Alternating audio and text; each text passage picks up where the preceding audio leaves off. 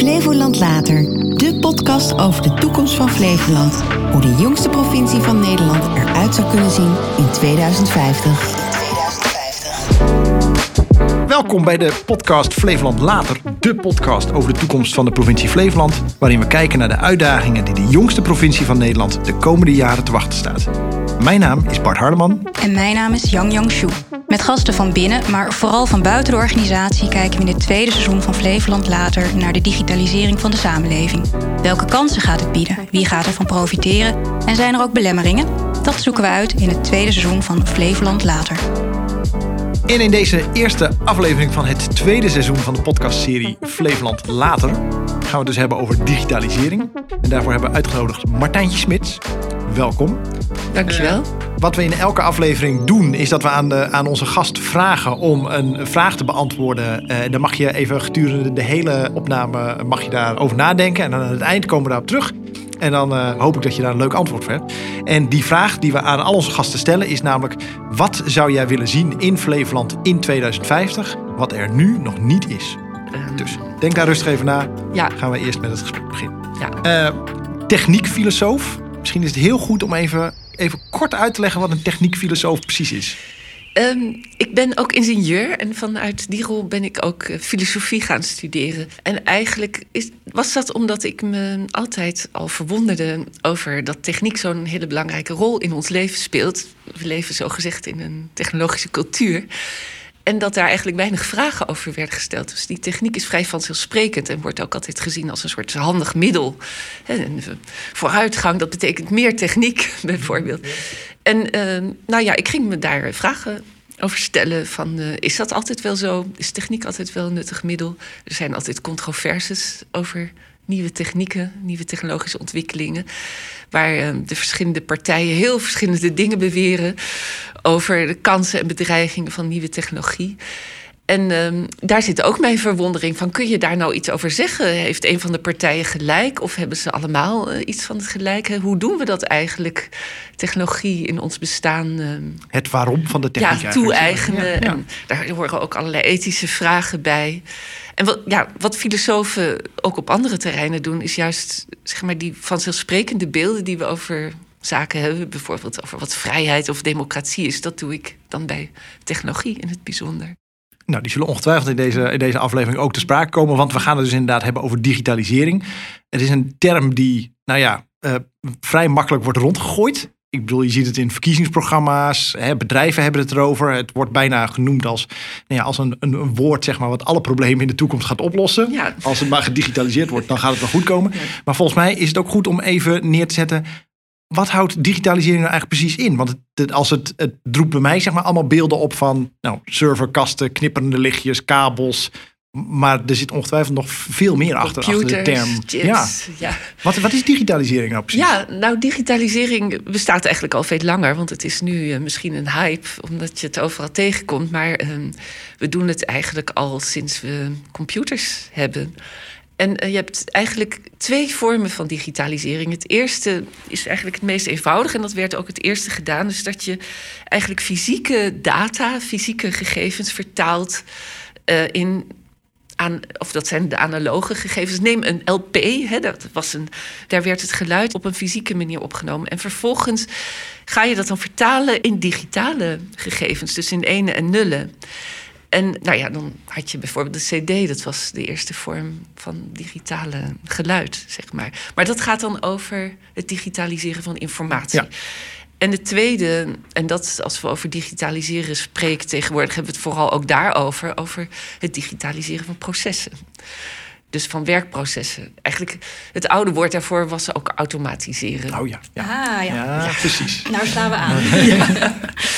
En, en dat we nu, eh, dat is even een tussenstapje, maar dat digitaliseren van die informatie, daar, eh, daar zijn we heel goed in geworden. Hè. Er was een race ook vanaf de jaren 80, 90 om die chips steeds zo klein mogelijk te maken, om zoveel mogelijk data op eh, kleine informatiedragers te krijgen, waardoor je steeds meer data kon verzamelen. En daardoor wordt het ook mogelijk om allerlei processen te gaan digitaliseren. En wat je dan doet bij het digitaliseren van zo'n proces. Dus bijvoorbeeld, je moet een besluit ergens over nemen. Bijvoorbeeld kijken of iemand recht heeft op een uitkering als overheid. En wat je dan doet, is een algoritme ontwerpen. Dus je hebt die data, je verzint verschillende categorieën. Wanneer heb je daar recht op, wanneer heb je daar niet recht op? En in plaats van dat een team van ambtenaren daar een, eh, een tijd lang op zit ploeteren, heb je een algoritme wat besluit met behulp van die data razendsnel kan dat of je wel of niet in aanmerking komt voor zo'n uitkering. En um, je snapt dat, dat de belofte in zich heeft dat die werkprocessen veel sneller en efficiënter kunnen. Zeker. En ja. uh, nog veel meer andere beloften. Je goedkoper. Hebt, uh, goedkoper, de productiviteit wordt verhoogd. misschien ook. Want de mensen uh, worden eruit geha Precies, er is een belofte van objectiviteit. Dus dat het niet meer afhangt van persoonlijke mm -hmm. inschattingen, maar inderdaad dat het systeem iedereen gelijk behandelt. Vanuit het overheidsperspectief is dat mooi. Alles moet en, makkelijker uh, worden eigenlijk. Voor bedrijven, hè, die kunnen beter concurreren, want die kunnen sneller met minder mensen bijvoorbeeld. Je zou ook kunnen zeggen, informatie wordt toegankelijker zo. Je krijgt betere producten, je kunt betere service verlenen. Ik hoor alleen maar voordelen. En je kunt uh, bijvoorbeeld met behulp van die data ook sneller verbanden zoeken tussen dingen. Dus je kunt al die bestanden met elkaar vergelijken. Ook is de belofte voor overheden dat je het beleid meer uh, evidence-based kunt maken. Dus dat je al die informatie waar, op basis waarvan je moet besluiten ter hand hebt. Kun je meten. Nou, Kun je, ja, precies. Ja. Maar we zijn enorm al aan het digitaliseren. Het is niet iets nieuws. We hebben dat gezien dat we eigenlijk alle fysieke processen die we hebben, daar wordt wel gedacht over een digitalisering. Je zou kunnen zeggen dat over die hele wereld een soort digitale laag is aangebracht. Nou, denk aan iets als een dating-app. Goed voorbeeld. Uh, dus waar we eerst uh, gewend waren om op ons werk of in het café of hoe dan ook potentiële partners te ontmoeten, doen we dat nu via ja, een app, het internet, ja. via een app. En dan worden we via algoritmes gematcht met elkaar. En dan wordt, er, komen er suggesties uit. Dus dat is ook heel efficiënt, want dan krijg je gelijk alle potentiële kandidaten. Hoef je niet met een lampje te zoeken in het café, zeg maar. Dat is de belofte. In Precies. En het is ook veilig. En, nou, en denk aan uh, internet shoppen. Uh, nou, van eigenlijk alles. Zo, de bank is, denk ik, uh, het geldverkeer is sterk gedigitaliseerd. Nou, we hebben het afgelopen jaar in de coronatijd gezien hoe ook eigenlijk scholen ja. en heel ja, veel werksituaties ja. ook op afstand. Nee, dat is ook dankzij de digitalisering van onze communicatie dat dat mogelijk is. Ik wou zeggen, het hele eerste ja. seizoen van deze podcastserie hebben we gewoon op afstand opgenomen. Dit is ja. voor het eerst eigenlijk dat we bij elkaar zitten. Ja, zeker. Maar jullie hebben misschien wel eens van het begrip smart cities gehoord. Zeker. En uh, eigenlijk is dat ook een heel uh, digitaal uh, innovatieconcept. Dus het idee is dat allerlei functies in de stad en ook vanuit het perspectief van de overheid, maar niet alleen, maar dus denk aan energievoorziening, politie, verkeer, scholen, onderwijs, dus zorg. Nou, noem maar op. Al die ook uh, functies waar de overheid een belangrijke verantwoordelijkheid heeft. Dat is de belofte allemaal optimaler maken, sneller door te digitaliseren. Nou, een en voorbeeld. Sneller is beter, toch? Ja, sneller is beter. een voorbeeld is, dat kennen jullie waarschijnlijk ook, de smart energy of de, de smart slimme energienetwerken. Ja. Dus vroeger werd die energie eigenlijk gemaakt uh, en werd naar de klant gestuurd zonder dat er een terugkoppeling was van wat die klant precies gebruikte. Ja. Daar moesten grove schattingen over worden gedaan. Terwijl als je die energie eigenlijk efficiënter wilt gebruiken en ook bijvoorbeeld beter afstemmen het gebruik op uh, hè, als de zon schijnt of de als de wind waait. Ja. Dan uh, is het handig om dus te weten wat die gebruiker gebruikt. Dus dat zijn we nu aan het meten met die smart meters. Ja. Nou ja, en daar begint gelijk, want jij denkt, jij zei het is alleen maar efficiënter en beter en goedkoper enzovoort. Precies, want dan gaat mijn droger gaat namelijk aan op het moment ja, dat de zon schijnt. Dat ja. is de belofte. Ja. Maar hier zie je al een eerste aspect. En in 2009 is geloof ik een voorstel voor die smart meters. Dus die zouden overal geïnstalleerd worden in alle huizen. Door de Kamer eh, tegengehouden. Omdat dat ook een sterke inbreuk op privacy, privacy zou kunnen zijn. Ja. Dus door vol continu te meten wat mensen gebruiken in hun huishouden... kun je ook iets begrijpen over wat ze daar aan het doen zijn. En... Uh, ja, willen mensen dat wel? Wil je wel dat tijdens je vakantie bekend is dat je geen energie gebruikt? Of bijvoorbeeld dat je heel veel energie gebruikt omdat je thuis werkt of iets doet? dat, dat, dat is dan iets wat tegelijk meegaat uh, door te digitaliseren. Maar waar je allerlei vragen over kunt stellen. Hoe ver zijn we daarin eigenlijk? Als we het hebben over de hoeveelheid functies die we in onze maatschappij al geautomatiseerd of gedigitaliseerd hebben. Is daar een getal aan ophangen dat we kunnen zeggen, nou we zijn al wel zover dat we misschien wel 60% van de functies die vroeger door mensen werden uitgevoerd, of processen die door mensen werden uitgevoerd, dat die inmiddels al volledig geautomatiseerd zijn? Ik weet niet of je dat kunt zeggen, want er is namelijk geen misschien wel geen eindpunt aan.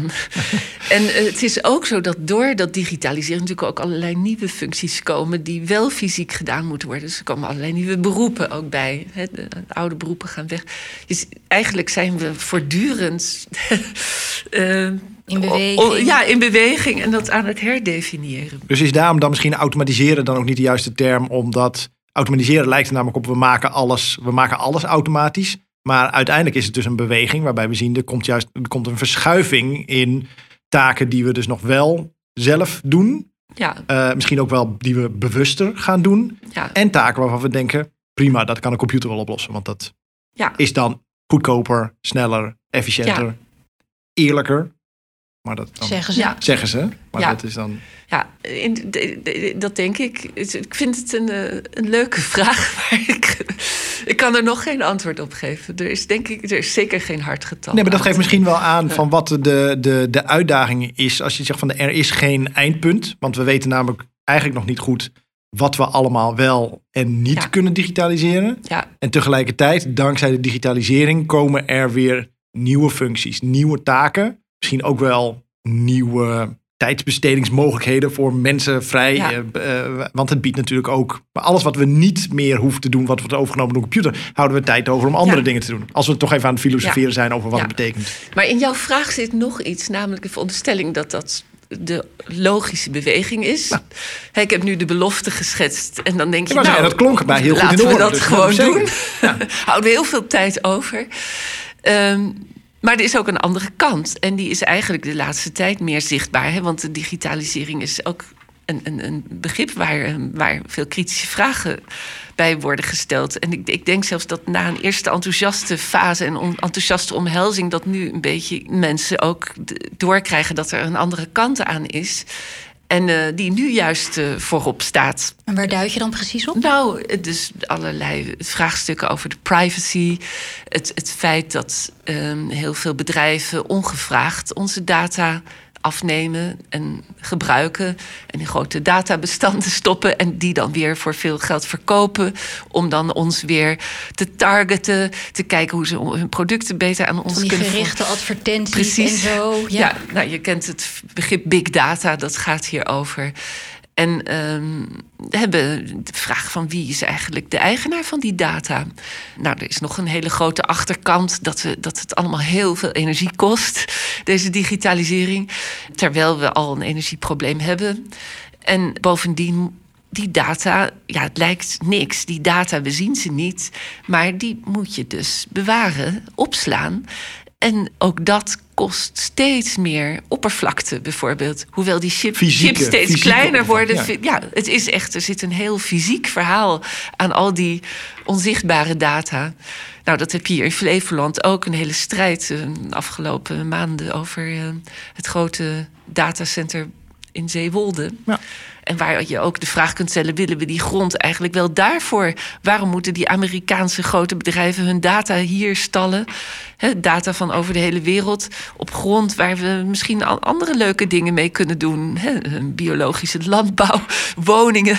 Maar is dat een beetje de Ja. paradox van het digitaliseren? Is dat je aan de ene kant het idee hebt van je je gaat juist ruimte creëren. Want we halen eigenlijk fysieke dingen weg. Fysieke dingen worden echt omgezet in eentjes en nulletjes. Maar tegelijkertijd zit er juist ook een enorme fysieke component aan. Die juist moet groeien naarmate we meer willen gaan digitaliseren. Ja, en afgelopen jaar.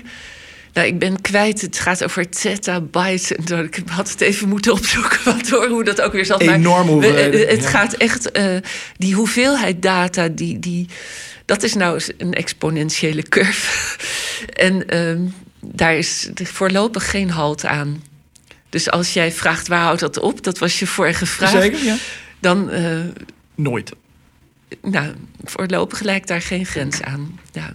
Precies, want dan raken we volgens mij al een, al een, paar dingen waarvan het interessant is om daar verder op in te gaan. Ehm, hè, want je noemde net al nou ja, de, de, de, de data van de gebruikers. Maar laten we eerst eens even kijken naar nou ja, hè, overheden, bedrijven. Welke rol en welke verantwoordelijkheid heeft bijvoorbeeld een overheid in het hele proces van het digitaliseren? Want ook bij de overheid je noemde net al het voorbeeld van iemand die een, eh, een, een uitkering wil aanvragen. of iemand dan uitkeringsgerechtigd is. Dat dat bepaald kan worden door een computerprogramma.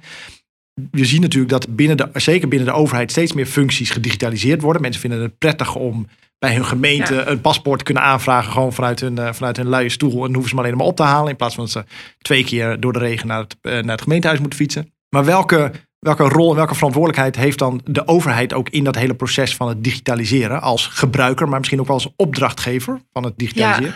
Ja, dat is best een complexe vraag, want ik denk dat die verantwoordelijkheden op allerlei gebieden liggen.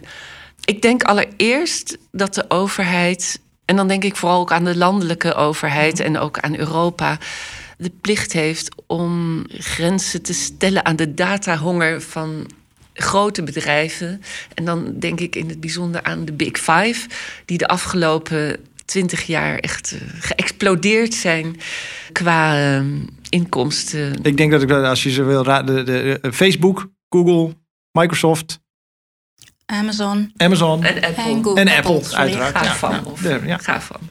Daar moeten om verschillende redenen grenzen aangesteld worden. Allereerst omdat ze veel te groot zijn. Daar hebben we even niet zitten opletten. Vinden ze zelf niet trouwens, denk ik. Nee, maar dat is een les uh, die we al heel lang weten. Dat als bedrijven te veel macht krijgen en te veel monopolie hebben, dat dan helemaal niet meer die vrije markt goed werkt van de concurrentie. En dat ze ook uh, invloed kunnen hebben op het beleid van overheden, op de democratie. En ook op een manier die we eigenlijk niet willen. Dus, dus alleen al vanuit machtsbalans moet je moet, moet daar paal en perk aan gesteld worden. Hoe stel je dan als overheid daar paal en perk aan? Nou, um, bijvoorbeeld door transparantie te eisen, door dat mensen weten welke data van ze worden genomen, dat er niet Ja. alle data kunnen worden genomen, dat daar niet zomaar in kan worden gehandeld. En wat, wat er gebeurt is dat de data zonder eigenlijk aan ons te vragen worden genomen, daar worden allemaal databundels van gemaakt waar die weer verkocht kunnen worden aan bedrijven. En die kunnen op die manier winst maken. En uh, terwijl wij ondertussen, nou ja, denk aan het voorbeeld van Facebook, bezig gehouden worden om zo lang mogelijk op die media te blijven. We denken dat is leuk, al die plaatjes, maar de, de algoritmes zijn zo gemaakt dat je aandacht zo lang mogelijk wordt vastgehouden.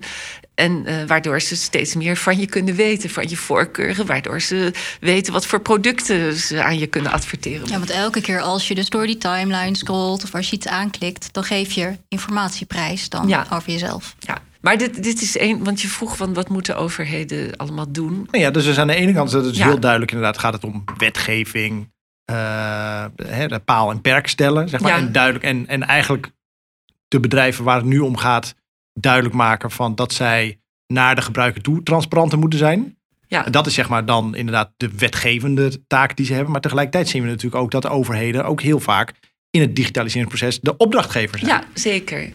Ja, en de, de- ik heb ook nog een. Dus daar wil ik het over hebben. En ook dat natuurlijk overheden een rol kunnen spelen, juist bij het stimuleren van Zeker. bedrijven. Dus nou, zo speelt dat ook in de provincie Flevoland. Dat er allerlei eh, bedrijven zijn, zeg maar, minder een klein bedrijf, wat nog helemaal niet zo ver is met dat digitaliseren. En die ook hun concurrentiekracht moeten Verliezen. houden. Ja. Dus ja, precies. Ja. daar kun je als overheid ook een rol spelen in stimu- stimuleren. eigenlijk. Ja. Maar natuurlijk het verantwoord stimuleren, dus in een verantwoorde richting. Want inderdaad, overheden zijn ook zelf heel druk aan de slag met digitaliseren. En ook daar zie je dat er af en toe wel ook iets misgaat waaruit je kunt leren.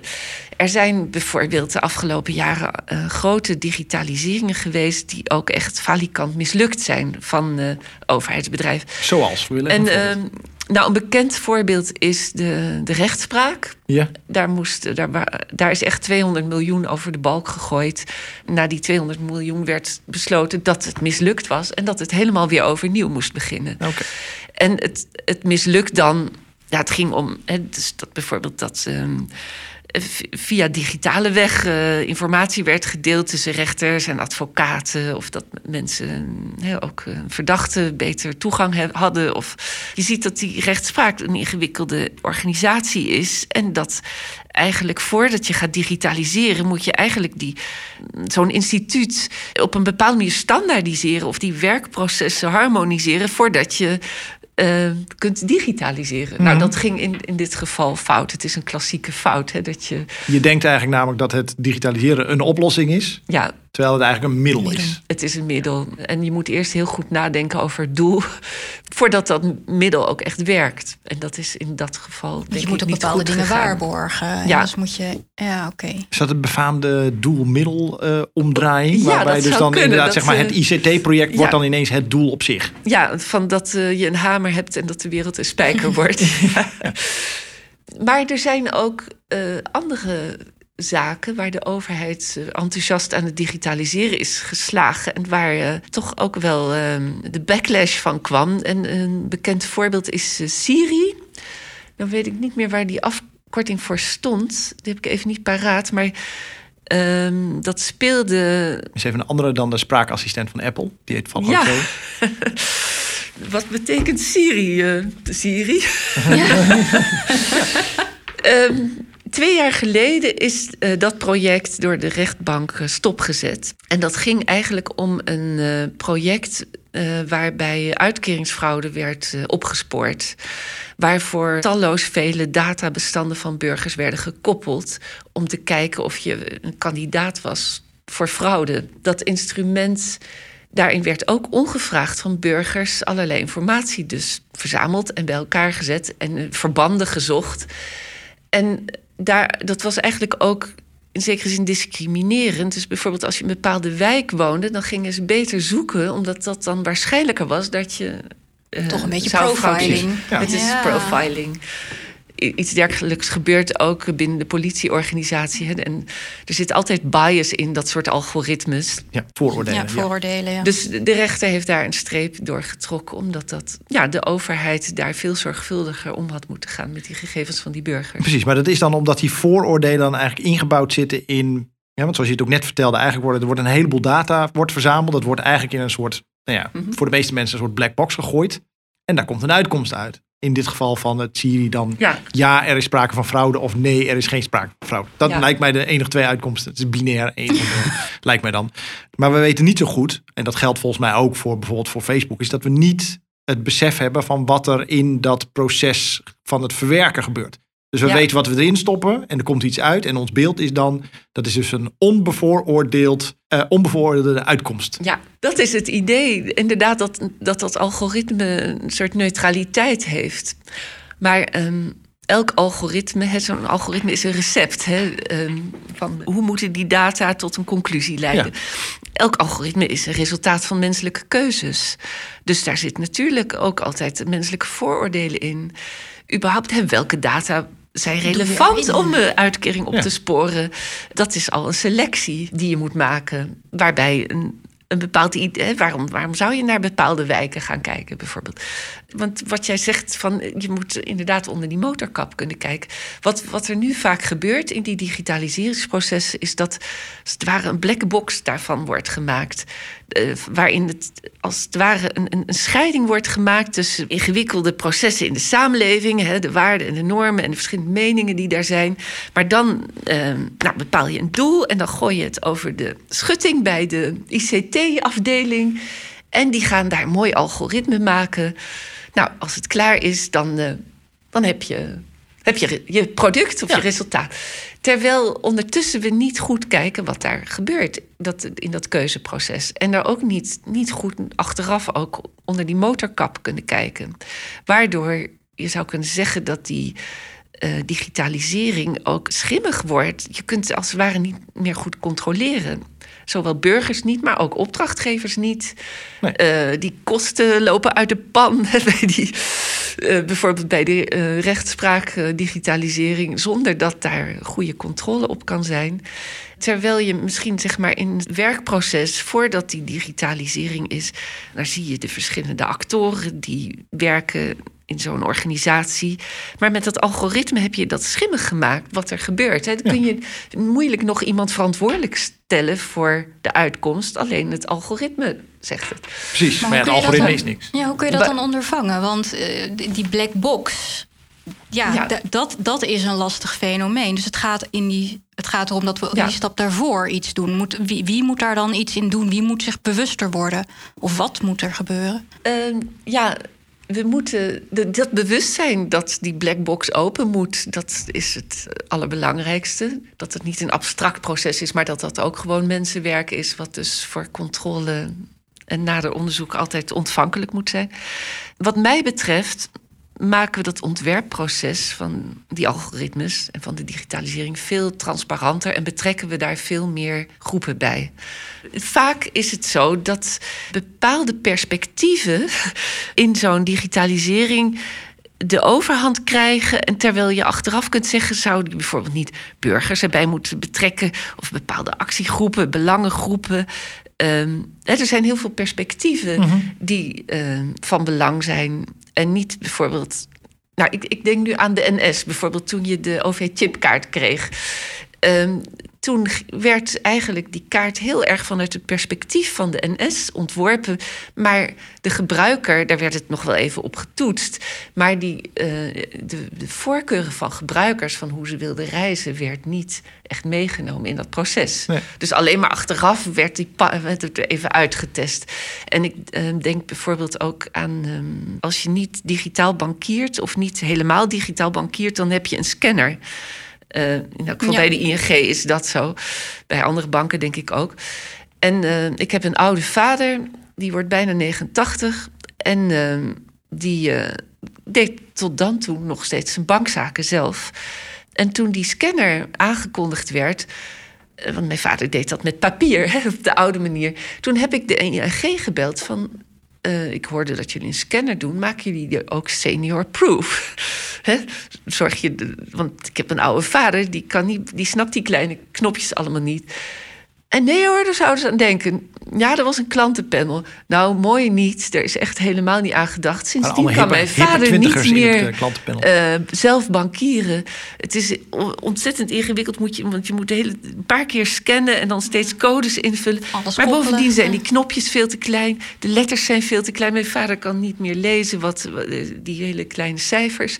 Kortom, hij wordt uitgesloten van die functie en hij wordt afhankelijk van iemand anders. In dat dit geval van mij. Wat? Dat raakt je autonomie. Uh, dat raakt je autonomie. Dus in plaats van de meer efficiëntie, meer snelheid en meer gemak, is in dit geval een, een uitsluiting daarvan sprake. Dus dit is een voorbeeld van hoe dat als je dat je niet ook als ICT'er die ideale klant moet uh, bedenken, maar je moet aan alle soorten en maten van klanten denken als je digitaliseert om zeg maar de service te verbeteren. Maar de bank denkt misschien ook, ja, over een paar jaar hebben we eigenlijk alleen maar klanten die niet anders weten dan dat uh, ze met de telefoon dingen doen, dat alles gedigitaliseerd is. Dus de oude klant kunnen we. Ja, misschien zijn er dat soort gedachten. Maar wat mij betreft, als je dus, en zeker als je vanuit de overheid digitaliseert, moeten al die verschillende groepen die getroffen worden of te maken hebben met het resultaat van die digitaliseringsslag, betrokken worden bij dat ontwerpproces. Ja, dan komen we ook uh, juist om die vooroordelen te toetsen. En je moet ook, als dat blijkt in de praktijk, moet je weer onder die motorkap kunnen kijken. En uh, daarvoor is um, dus niet alleen een ander ontwerp nodig, maar ik denk ook dat burgers er heel erg bij gediend zouden zijn om überhaupt digitaal geletterd te worden. He, dus waar we nu die digitalisering als iets heel abstracts zien en mm moeilijks. En dat doen uh, hele slimme mensen, maar dan kunnen we zelf niet, niet meer bij. Moet je gewoon wel daar iets van uh, snappen en in meegenomen worden. Uh, we leren allemaal lezen en schrijven om mee te doen aan de samenleving. Maar dit hoort daar wat mij betreft ook bij. bij Gewoon in het onderwijs ook meteen al ja. een vak digitale lettering. Ja, ook om kritisch te kunnen blijven. En uh, ook om juist systemen te helpen ontwerpen die, die wel ons dienen en die niet. Uh, ja, want dat zal ja. ik me dan af want, want we hebben, we hebben dan de, de, de overheden en we hebben bedrijven ook alvast aangestipt, maar we, we, hebben het nu eigenlijk al over de eindgebruiker. Ja, zo, of de consument. Nou, zo zouden we het niet noemen, maar de, de, burger, de gebruiker, ja. de, de, de klant. Die heeft dus dan, hè, je, je noemde net al een, een aantal dingen die, die nou ja, eigenlijk dan vaardigheden, misschien wel vaardigheden die dan gevraagd moeten worden. Ja. dus, dus meer inzicht hebben in hoe die processen werken. Ik weet niet of je dat aan iedereen zomaar kunt vragen, want ik denk dat het, nou ja, zoals je net ook al noemde, het zijn abstracte processen. Het is niet voor iedereen even, even makkelijk om te begrijpen. Zelfs niet voor de mensen die het laten ontwerpen. Ja. Eerder in het gesprek zei je ook al van ja, bedrijven halen data hè, en kunnen die datapakketten weer verkopen aan anderen. Maar tegelijkertijd is het natuurlijk ook dat wij als gebruikers ook die data maar gewoon simpelweg zonder er nu eigenlijk bij na te denken, uh, weggeven. weggeven. Ja. Dus welke en dus om dan die vraag over de rol en verantwoordelijkheden van in dit geval de overheden en bedrijven dan nu te vertalen naar de burger en de klant. Hoe zit het daarmee? Wat moeten zij dan gaan doen om ervoor te zorgen? Ja, wat ja, die zou zich moeten bijscholen en daartoe ook in staat gesteld moeten worden. Dat is denk ik een gezamenlijke verantwoordelijkheid. Het is niet zo dat ik nu zeg, wil zeggen tegen iedereen van ga een cursus doen. nee, ik denk dat, dat dat ook een democratische keuze moet zijn. Dus die we met z'n allen maken, dat dat heel belangrijk is. Um, en wat bedoel je met een democratische keuze? Als in dat... Nou, dat, dat zoals we ook vinden dat iedereen moet leren lezen en schrijven, ja. we ook uh, uh, moeten een vinden... digitaal rijbewijs, zou dat ja, misschien dan... Een, nou, dat wil ik niet zeggen, dan bedoel ik niet mee het rijbewijs zoals nee, maar dan in digitaal vorm. Het moet natuurlijk een voorwaarde worden om mee te doen. Nee, het, maar dus dat je pas mee mag doen. Als je, ja, nee, want we hebben met die systemen te maken. Ja. Het zou heel goed zijn als we beseffen als... Uh, burgers inderdaad dat we, dat we die data niet gratis weggeven, maar dat we vervolgens inderdaad gemanipuleerd dreigen te worden. In elk geval door bedrijven, doordat die ons allerlei producten gaan opdringen omdat ze ons profiel hebben. Precies, maar hoe, hoe leren wij dat dan om dat proces in te zien? Want ja, we hadden het net al even als je, eh, over als je door Facebook scrolt en je komt wat foto's tegen en je volgt je vrienden en je leest misschien wat over gitaren en auto's. Ik pak even mijn eigen voorbeeld erbij. uh, dan ben ik er niet bewust van dat ik op datzelfde moment dus data verzend naar in dit geval Facebook, die daar dan weer mee aan de haal kan gaan. Terwijl als ik dat zou kunnen zien op een of andere manier en er misschien ook wel aan mij verteld zou worden van wat er dan met die data gebeurt. En wat er dan vervolgens met jou gebeurt. Ja, precies. Ja. En of ik daar een keuze in en heb. Of dat je ook heel veel aandacht, jouw aandacht, jouw tijd wordt eigenlijk genomen. Ja, precies. om je, ja. Maar zou iedereen daar zin in hebben? Om, zeg maar, om dat iedere keer zich af te moeten vragen op het moment dat je daarmee bezig bent? Nu zeggen we van nou, ze mogen alles weten, zeggen heel ik veel heb niks te verbergen. Ja, ik heb niets te verbergen. Ja, nou, ik denk dat daar inderdaad, dat we daar elkaar beter over moeten informeren. Dat je wel iets te verbergen hebt. Dat zou een verantwoordelijkheid ook van overheden kunnen zijn om ons daarbij te helpen om dat te leren, zeg maar. Om die Precies, want jij hebt. Dat bewustzijn op gang te brengen. Ja, want je hebt ook wel eens de term technologisch burgerschap gebruikt. Ja. wat, wat versta je daaronder dan? Wat betekent dat? Ja, nou, dat, is, dat, dat raakt eigenlijk ook aan die digitale geletterdheid. Kijk, als, als burger is het idee in een democratische samenleving dat je autonomie hebt. Hè? Dus dat je zelf je eigen leven kunt vormgeven, mm idealiter. En natuurlijk met anderen, met goede afspraken maken, maar uh, niemand gaat ons opdringen hoe we moeten leven. En uh, ondertussen doet die technologie dat heel erg. het stuur over eigenlijk. Ja, die, die technologie dwingt ons eigenlijk in allerlei patronen waar we niet zo. Misschien kozen we wel voor dat apparaat. Zo'n smartphone is leuk, een leuk speeltje. Maar op een goed moment moet je alles met die smartphone gaan doen, bijvoorbeeld. Ja. Uh, dat raakt in feite je, je, je vrije keuze. In het voorbeeld van mijn vader bijvoorbeeld, die wel op die manier moest gaan bankieren en dat niet kon. En vervolgens dus aan, van anderen afhankelijk is. En daar is het dus. Technologie zou is denk ik een belangrijk onderdeel van ons burgerschap. Of dit, hè, dus we moeten ook invloed op die technische systemen kunnen uitoefenen als we die democratische belofte willen kunnen leven. En op dit moment is dat heel vaak niet zo. Dus zijn we als burgers veel meer consumenten. Mm en niet echt actieve actoren daarin ik gaf net het voorbeeld dat er dan zo nog zo'n achteraf zo'n gebruikerspanel is. Mhm. Maar uh, we hebben niet onze voorkeuren in dat ontwerpproces kunnen geven. En dat zou, Ideaal. wat mij betreft, een, een hele belangrijke verbetering zijn in de. eh, In het hele ja. proces. Maar en dat noem ik technologisch burgerschap. Ja, precies. Dus enerzijds weten wat er gebeurt, maar anderzijds ook je eigen eh, belangen daarin kunnen Neerleggen, vormgeven. ja. En kan dat nu nog, want je noemde eerder al de Big Five en in hoe ver we eigenlijk al zeg maar, in deze wereld al zijn als we het hebben over de data die door alleen al die vijf bedrijven eh, verzameld wordt en, Ja. en nou ja, daarna weer verkocht wordt, een onderdeel van hun businessmodel. Eh, overheden worstelen er nog mee met hoe zij nou ja, daar paal en perk aan moeten stellen. Hè, die roep wordt wel steeds groter, maar ze Ja. zijn er nog niet helemaal over uit hoe, hoe dat dan vorm moet krijgen. Dus hoe zie jij dan ook de, de, ehm, de ontwikkeling van aan de ene kant zeg maar, de, de, de, de roep om een, een technologisch burgerschap, meer inzicht bij de burger van wat ze wel en wat ze niet willen delen, ten opzichte van eigenlijk de, de situatie waar we nu al in zitten, namelijk dat het voor ons eigenlijk Ja, nu nog onzichtbaar is, maar we doen het allemaal wel. Ja. We geven eigenlijk gewoon gratis nu gewoon lekker alles weg. Kan dat nog omgekeerd worden? Ja, nou ja, de, de, de, de machtsverhoudingen zijn op dit moment niet heel hoopgevend. Maar ik ben wel optimistisch. Je kunt dit ook als kinderziektes beschrijven. Als, als best wel heftige kinderziektes. Ja, ja. Maar op, op zich is het kwaad zit niet bij het digitaliseren zelf. Dat is een, eigenlijk een heel mooi instrument. Naast vele andere technologische mogelijkheden. We moeten het alleen niet verabsoluteren. En we moeten het. we- nu we dit weten, hè, dat die digitalisering. En terwijl we even niet op zaten te letten dat er van die grote machtsfactoren zijn gebouwd de afgelopen twintig jaar. Misschien kunnen we wel het weer repareren. En overheden kunnen daar ook een belangrijke rol spelen, juist door bijvoorbeeld burgers veel meer erbij te betrekken.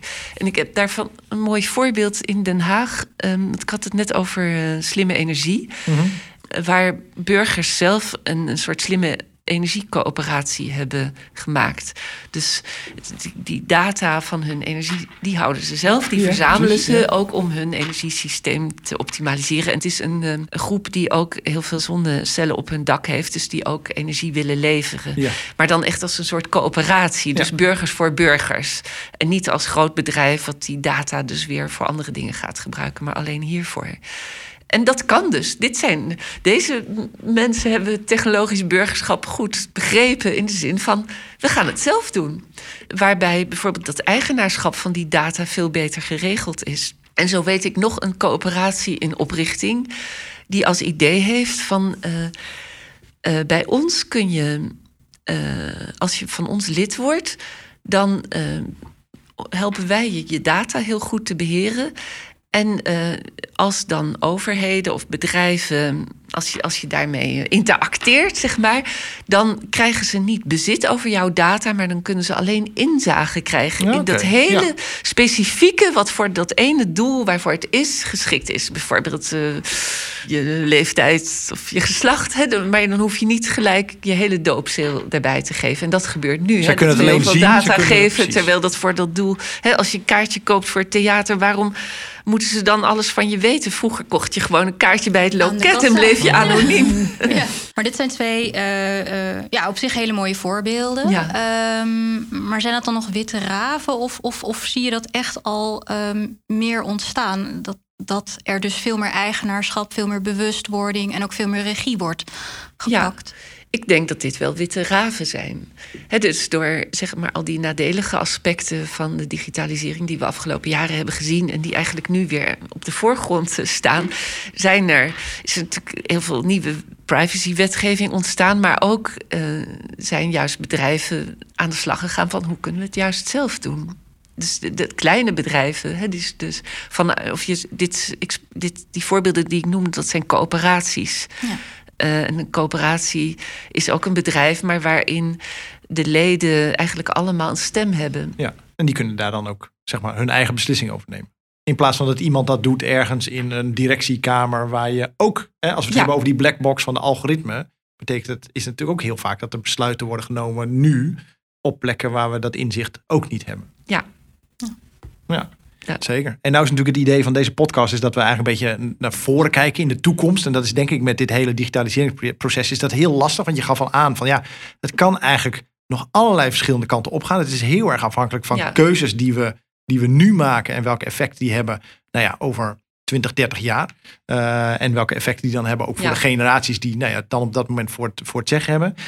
Als jij even vanuit jezelf mag redeneren, ben jij er dan hoopvol in dat er zeg maar rond 2050 dat er een goed evenwicht is tussen digitalisering aan de ene kant en toch nog een soort menselijke maat die ik je ook hoor noemen, dus het het en-en verhaal. Ja, Of ben je bang, net, waar we net al over hadden, die initiatieven die je noemde, dat zijn witte raven. Dat is nu toch nog, de machtsverhoudingen zijn nog scheef. Dat we dan nog steeds, te- dat we in 2050 misschien nog wat te maken hebben met een situatie waarin het nog steeds niet goed geregeld is. En digitalisering misschien wel doorgeslagen is. Ja. ja. Nou, toekomsten gaan nooit vanzelf. Hè. We maken keuzes. We, We zijn, zijn er zelf daarbij. bij. Ja. Dus eh, het is niet iets wat automatisch op ons afrolt, zeg maar. Dus het- in, in die zin denk ik dat we goed bezig zijn door inderdaad al die kinderziektes heel goed eh, in de ogen te kijken. En zolang we dus een open democratisch proces daarin kunnen hebben, waarin de kritiek mogelijk is en waarin we die, die al te grote macht van die eh, quasi-monopolisten kunnen beteugelen, denk ik dat er heel veel ruimte is om te zorgen dat die, die digitalisering eh, ons allemaal ten goede komt. En niet alleen enkele. Als middel en niet als doel. Ja, Ja. en misschien is daarbij ook belangrijk om bijvoorbeeld data en dataopslag als een nutsfunctie te gaan zien. Dus eh, nu laten we dat dus door bedrijven doen. Mhm. Maar waarom is dat niet iets wat onder publiek beheer is? De onder publieke commercialiteit voorwaarden. valt. Eh, Ja. ja, Eh, interessant. En, en misschien is het niet zozeer afpakken van die grote bedrijven, maar dat wat we nu gaan doen, gaan we publiek doen.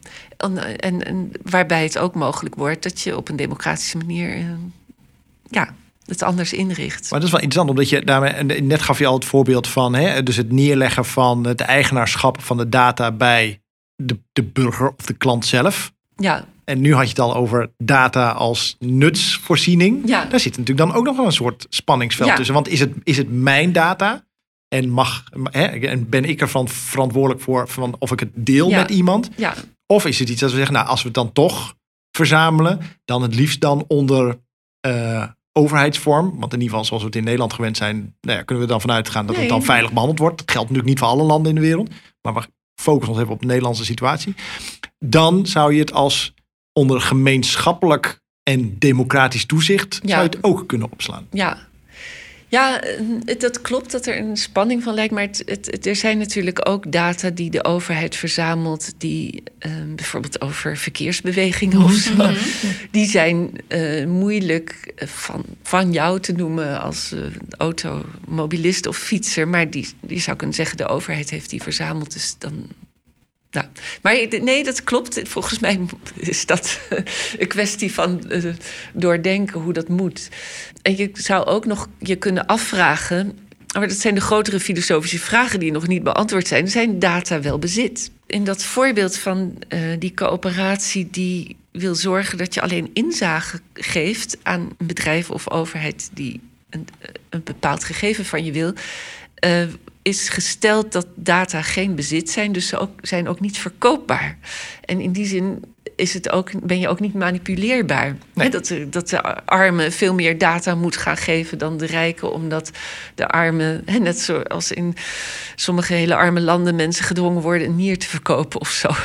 Ehm, dus eh, als je zegt dat het geen bezit is, Dan zou het logisch zijn om het als door de overheid te laten beheren. Nou, nee, dan, dan, of, of door jouzelf. Maar je kunt het gewoon. ja, dan, dan heeft het een ander soort status. Dan, dan kun je alleen inzage krijgen, maar je hebt het niet als je die inzage. Nee, precies. Ja. Je moet, daarna gaat het boek weer dicht. Dus Je mag even kijken. precies. Bevalt het? Dan doen we het doen Ja. we het. Precies. Maar ik hou het vast. Dat Ja. is, eh, dat is, eh, ja, we hadden het daar toevallig in de voorbereiding Ja. nog even over. Eigenlijk vergelijkbaar met zeg maar een, een paspoort zoals nu. Wat je eigenlijk ook niet zomaar uit handen geeft. Ja, Iemand mag het even controleren. Dan krijg je het weer terug. En dan Ja. is het jouw paspoort. ja, Ja. ja, En, maar dan in digitale vorm. ja. Precies. Maar dit zijn grote vragen. Dus als het gaat over die eh, toekomst, die je, hè, waarvan je wilde dat ik een soort eh, voor, Ja, zeker. vooruitblik wierp. dan denk ik dat, dat dit soort eigenlijk hele complexe vragen, dat we die moeten gaan oplossen. En daarvan hangt het af of we terug, straks gaan terugkijken en ehm, hoe, hoe we straks gaan terugkijken en Ehm, hopelijk kijken we dan zo terug van, nou ja, in de jaren twintig zaten we enorm te rotzooien en uh, vloog het echt uit de bocht. Maar, gelukkig hebben we op tijd gezien dat, uh, dat we daar uh, allerlei waarborgen in moesten bouwen en toezicht. En ehm, kunnen we nu op een verantwoorde manier spelen. Met maar we speeltje van digitalisering. Als ik je zo hoor, we moeten het niet maar gewoon laten gebeuren. Dan moeten we nu wel echt er moet wel iets gebeuren. Want als we het gewoon nu laten gaan, dan raken we de regie helemaal kwijt. Eh. Nee, dat uh, klopt. Dat ben ik met je eens. We, dus- moeten, uh, we zien nu al die problemen en um, het is nog niet te laat. Maar kijk, het zou kunnen als je dus niet ingrijpt. Dat wat nodig is voor een democratie is dat je een kritische burger kunt zijn. Dat je informatie uit allerlei bronnen kunt krijgen en zelf daar een waardering aan kunt geven. Nou, dit is maar een voorbeeld, maar het zou kunnen dat het kritisch burgerschap juist ondermijnd wordt door zeg maar, het, het, het, het manipuleren uh, wat mogelijk is. Ja, desinformatie. Met al die big data. Ja. ja. Dus het, het, is echt belangrijk dat we dat beseffen. Dus hoezeer het raakt aan ons systeem, aan de houdbaarheid van ons systeem. Maar dat systeem heeft tegelijkertijd juist de mogelijkheid om zichzelf te verbeteren en in te grijpen. En ben je daar hoopvol in? Want dat is dan even de, eigenlijk misschien wel de laatste vraag die ik dan aan je wil stellen. Want we hebben heel veel al behandeld nu. Maar als je naar de toekomst kijkt, denk je dan van nou, als mensheid zijn we in staat om het uiteindelijk goed te regelen? Of eigenlijk hebben we onszelf al overgeleefd aan de computers en gaan we richting een Terminator scenario?